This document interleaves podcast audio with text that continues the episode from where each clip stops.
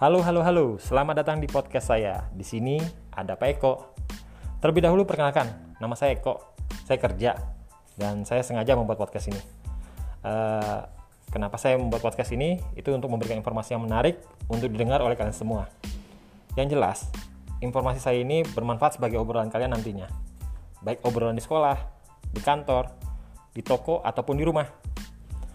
So, jangan lupa ya untuk selalu mendengarkan podcast saya ini. Saya sih berharap kalian tidak akan bosan untuk mendengarnya.